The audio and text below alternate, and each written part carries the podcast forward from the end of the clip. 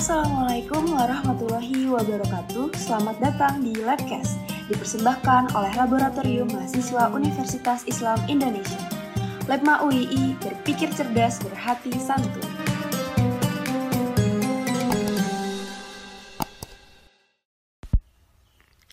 Assalamualaikum. Halo teman-teman. Gimana kabarnya? Di mana pun kamu sekarang, Semoga dalam keadaan sehat selalu ya.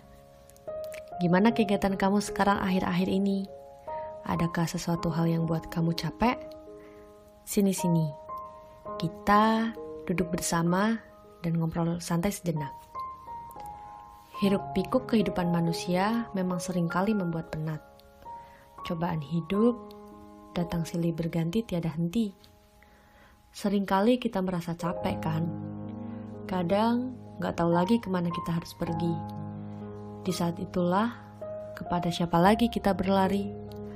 Jawabannya, Allah Subhanahu wa Ta'ala.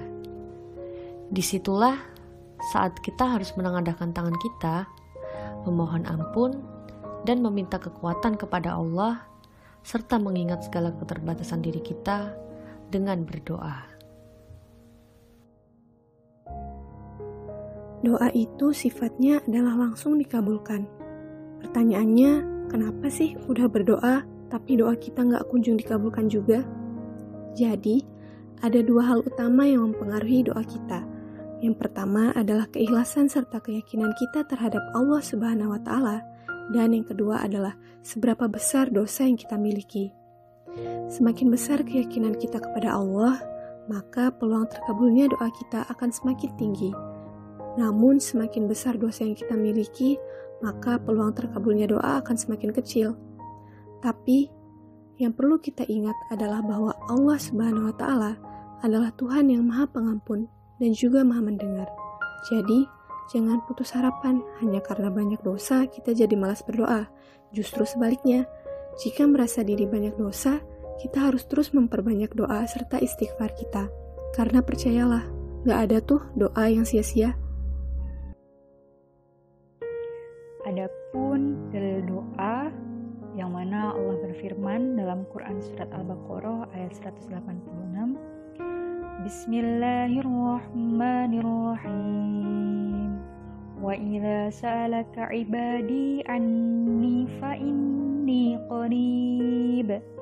Ujibu da'watan da'i idza da'ani falyastajibu li wal yu'minu bi la'allahum yarshudun. Artinya, dan apabila hamba-hambaku bertanya kepadamu, wahai Rasul, tentang aku, maka jawablah bahwasanya aku adalah dekat. Aku mengabulkan permohonan orang-orang yang berdoa apabila ia memohon kepadaku. Maka hendaklah mereka itu memenuhi segala perintahku, dan hendaklah mereka beriman kepadaku agar mereka selalu berada dalam kebenaran. Di mana dijelaskan dalam tafsir Al-Madinah Al-Munawwarah, Markas Ta'lim Al-Quran di bawah pengawasan Syekh Profesor Dr. Imad Zuhair Hafil selaku Profesor Fakultas Al-Quran Universitas Islam Madinah tentang doa yaitu pada kalimat Wa idza sa'alaka ibadi anni fa inni qarib dan apabila hamba-hambaku bertanya kepadamu tentang aku, maka jawablah bahwasanya aku adalah dekat. Yang mana ketika itu datang seorang laki-laki kepada Rasulullah dan berkata, Wahai Rasul, apakah roh kita dekat sehingga kita berbisik kepadanya? Atau dia jauh sehingga kita menyerunya? Nabi pun terdiam dan tak menjawab. Maka turunlah ayat ujibu da'watan da'i yang mana Allah berkata aku dapat mengabulkan permintaan orang-orang yang berdoa bila dia berdoa kepadaku.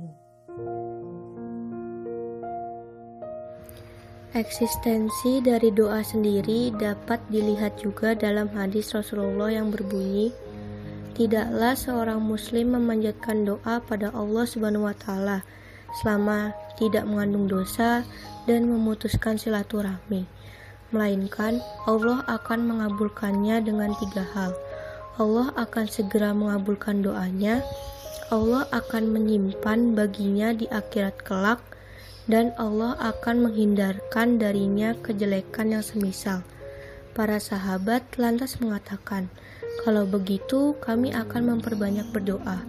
Nabi Shallallahu Alaihi Wasallam lantas berkata, "Allah nanti yang memperbanyak mengabulkan doa-doa kalian." Ada beberapa waktu mustajab di bulan Ramadan yang jika kita berdoa maka insya Allah akan dikabulkan oleh Allah Subhanahu wa Ta'ala. Di antara waktu-waktu tersebut yaitu saat sahur, sepanjang ia berpuasa, saat berbuka, dan saat malam Lailatul Qadar. Saat sahur, sesuai firman Allah di dalam Quran Surat Az-Zariyat ayat 18 yang artinya ketika waktu sahur atau akhir malam mereka berdoa memohon ampunan. Selanjutnya sepanjang ia berpuasa, sebagaimana sabda Rasulullah ada tiga golongan yang doa mereka tidak akan ditolak. Salah satunya yaitu orang yang berpuasa hingga ia berbuka. Lalu saat berbuka, Hadis riwayat Abu Dawud meriwayatkan jika Nabi Muhammad Shallallahu Alaihi Wasallam berbuka, beliau berdoa, Dhahabal dhuma'u wa batalatil uruku wasabatal ajru insyaallah. Telah hilang dahaga, telah basah urat-urat dan semoga ganjaran didapatkan insyaallah. Lalu yang terakhir ada saat malam Lailatul Qadar Hadis riwayat Tirmizi dan Ibnu Majah meriwayatkan, Aku bertanya kepada Rasulullah, Wahai Rasulullah, menurutmu apa yang sebaiknya aku ucapkan jika aku menemukan malam Lailatul Qadar? Beliau bersabda, Berdoalah Allahumma innaka afuwun tuhibbul afwa fa'fu anni yang artinya Ya Allah, sesungguhnya Engkau Maha Pengampun dan menyukai sifat pemaaf, maka ampunilah aku. Jadi, mari manfaatkan waktu-waktu tersebut untuk berdoa di bulan Ramadan yang hanya datang satu kali dalam setahun. Terkadang manusia sering menganggap doa hanyalah seuntai kata-kata atau ucapan biasa bahkan lebih mengedepankan ikhtiar atau usahanya ketimbang memohon atau berdoa terhadap Allah sebagai Tuhannya. Padahal sudah seharusnya doa dan usaha itu berjalan seiringan, bukan? Tapi tahukah kalian bahwa kekuatan doa itu tak terbatas? Seperti yang dijelaskan dari Sauban radhiyallahu anhu bahwa Rasulullah Shallallahu alaihi wasallam bersabda, tidak ada yang dapat mencegah takdir kecuali doa, dan tidak ada yang dapat menambah umur kecuali kebaikan. Dari hadis riwayat Al-Hakim.